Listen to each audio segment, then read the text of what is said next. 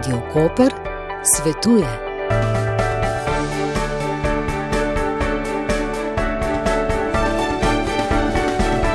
Matične celice so v bistvu zelo nezrele celice, ki so sposobne dolgotrajne delitve. V bistvu njihove potomke so potem zrelejše celice. Če dam recimo plastičen primer, vse celice našega telesa so potomke embrionalnih matičnih celic, pa recimo vse krvne celice so potomke krvotornih matičnih celic.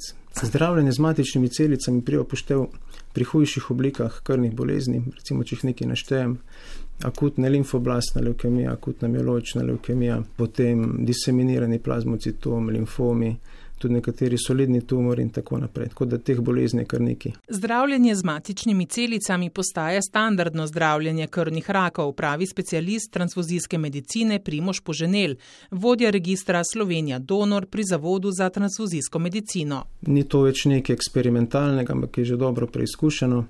Sledi pa kasneje, ne, nekje v kasnejših fazah.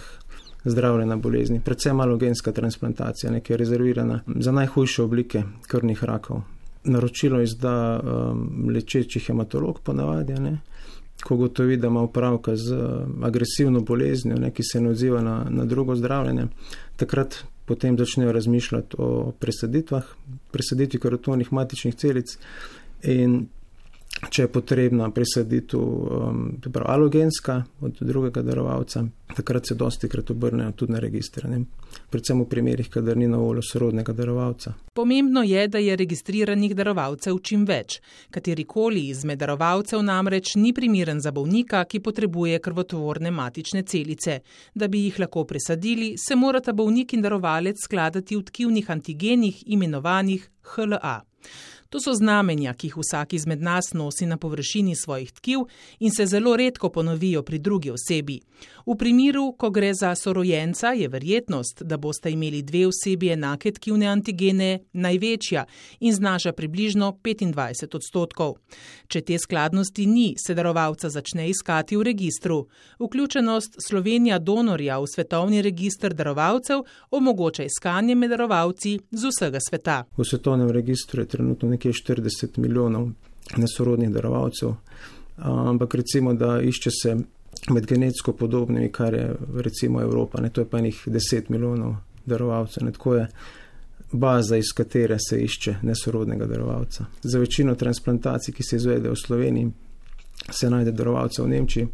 Um, smo le to genetsko podobni, dodatni dejavnik je pa to, da je nemški registr res zelo obsežen in tudi uh, zelo dobro deluje, ne, tako da se da izjemno hitro dobiti darovalca za naše bolnike. O potrebi se torej v registru poišče gensko najbolj podobno osebo. Tipizira se bolnika v sistemu HLA, to je najpomembnejši sistem tkivne skladnosti. Gre za beljakovine, ki se izražajo na vseh celicah telesa in tukaj moramo doseči zelo dobro uh, ujemanje to pomeni 10 od 10, 12 od 12, mogoče eno neujemanje se tolerira, več pa ne. In ker je ta sistem zelo heterogen, moramo imeti ogromno bazo darovalcev, da najdemo nekoga skladnega.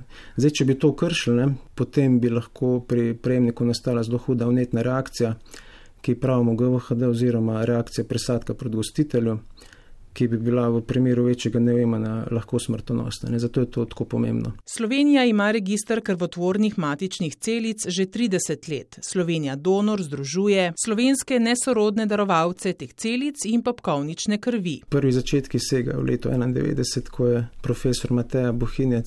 Zastavlja, takrat je bilo upisanih darovalcev zelo malo, potem je to raslo do par sto. In potem recimo večji boom od leta 2004. Takrat je šla z javnim pozivom gospa Irina Grafenaver, slavna flautistka, ne takrat sem se tudi jaz upisal, sem študiral medicino. Od takrat pa skozi nekje stabilno rastemo, zadnji večji upis se dogaja pa v, v zadnjih par letih od akcije, daj se na seznam naprej. Trenutno je 21, dobrih 21 tisoč darovalcev upisanih v slovenski registr. Mi spadamo med manjše registre, ne tako kot Slovenija, med manjše države, tako da tukaj je zelo močna korelacija. Vsekakor bi pa lahko registr še razširili, imamo potencial. Vsaka razširitev pomeni večjo možnost, da nek, nek naš bolnik dobi darovalca. Moram pa reči, da se osveščenost v zadnjih letih zelo izboljšuje, tudi zaradi naših akcij. Ne ljudje že zelo dobro vejo, kaj je transplantacija, kako izgleda darovanje. Mislim, da tisti tist mit nekaj veljav še do nedavnega, ne, da je to boleče. To smo, mislim, da uspešno vrgli, ne, zdaj ljudje že kar dobro vejo, da je to relativno, um, ne bom rekel, prijeten postopek, ampak ne zelo invazivno. Najpomembneje je pred upisom v registr darovalcev dobro premisliti. To si želimo, da tisti, ki se upiše v registr, da dobro premisli, da je dobro informiran in da tudi potem stoji za to odločitev v registru, ker izjemno neugodno je, če se premisli v poznih fazah, neko recimo eh, bolnik že obveščen, da ima darovalca, ne, da pričakuje, da bo transplantiran, ne, potem se pa nekdo v zelo poznih fazah, ne, tik pred transplantacijo premisli, to je pa zelo neugodno. Na vsaki stopni uh, postopka preverjamo, če se darovalec strinja, ne, tako na stopni potrditvene tipizacije, tako na, potem naprej na, na stopni, ko se uh, človeka že pregleda, ne, ko se ga ocenjuje, koliko je primeren kot darovalec, samo ustrezne žile ne, in preden se mu predpiše zdravila, ga je treba tudi medicinsko oceniti, ne, to pa naredijo hematologi in transfuziologi. Tako da tukaj je absolutno um, madarovalec vedno v zadnjo besedo, ne, nikogar ne silimo, to so popolnoma prostovoljne, spontane odločitve ljudi. Do postopka oduzema je darovalec dobro pripravljen. Za tipizacijo je dovolj, da se opravi bris ustne sluznice, tukaj se dobi dovolj celic da lahko uh, potem določimo, kakšen je darovalec v sistemu HLA. Se pravi, ko je nekdo skladen, ne, v bistvu bi lahko rekli tako, da bolnik najde darovalca. Ne. Darovalec, ki se upiše v registr, čaka bolnika. Ne. Je malo smešno slišati, ampak dejansko je tako. Potem sledi, uh, se pravi, ko, ko pride do nekega ujemanja ne, na nižji stopni potem se darovalce še enkrat stipizira na višji ločljivosti. Iz arhiva, ne, potem se um, vzame še en vzorec, temu rečemo potrditvena tipizacija, se pravi, da treba na večjih stopnjah potrjevati to skladnost, ne, ravno zato, ker je to tako pomenilo, ne, tukaj se ne smemo zmotiti.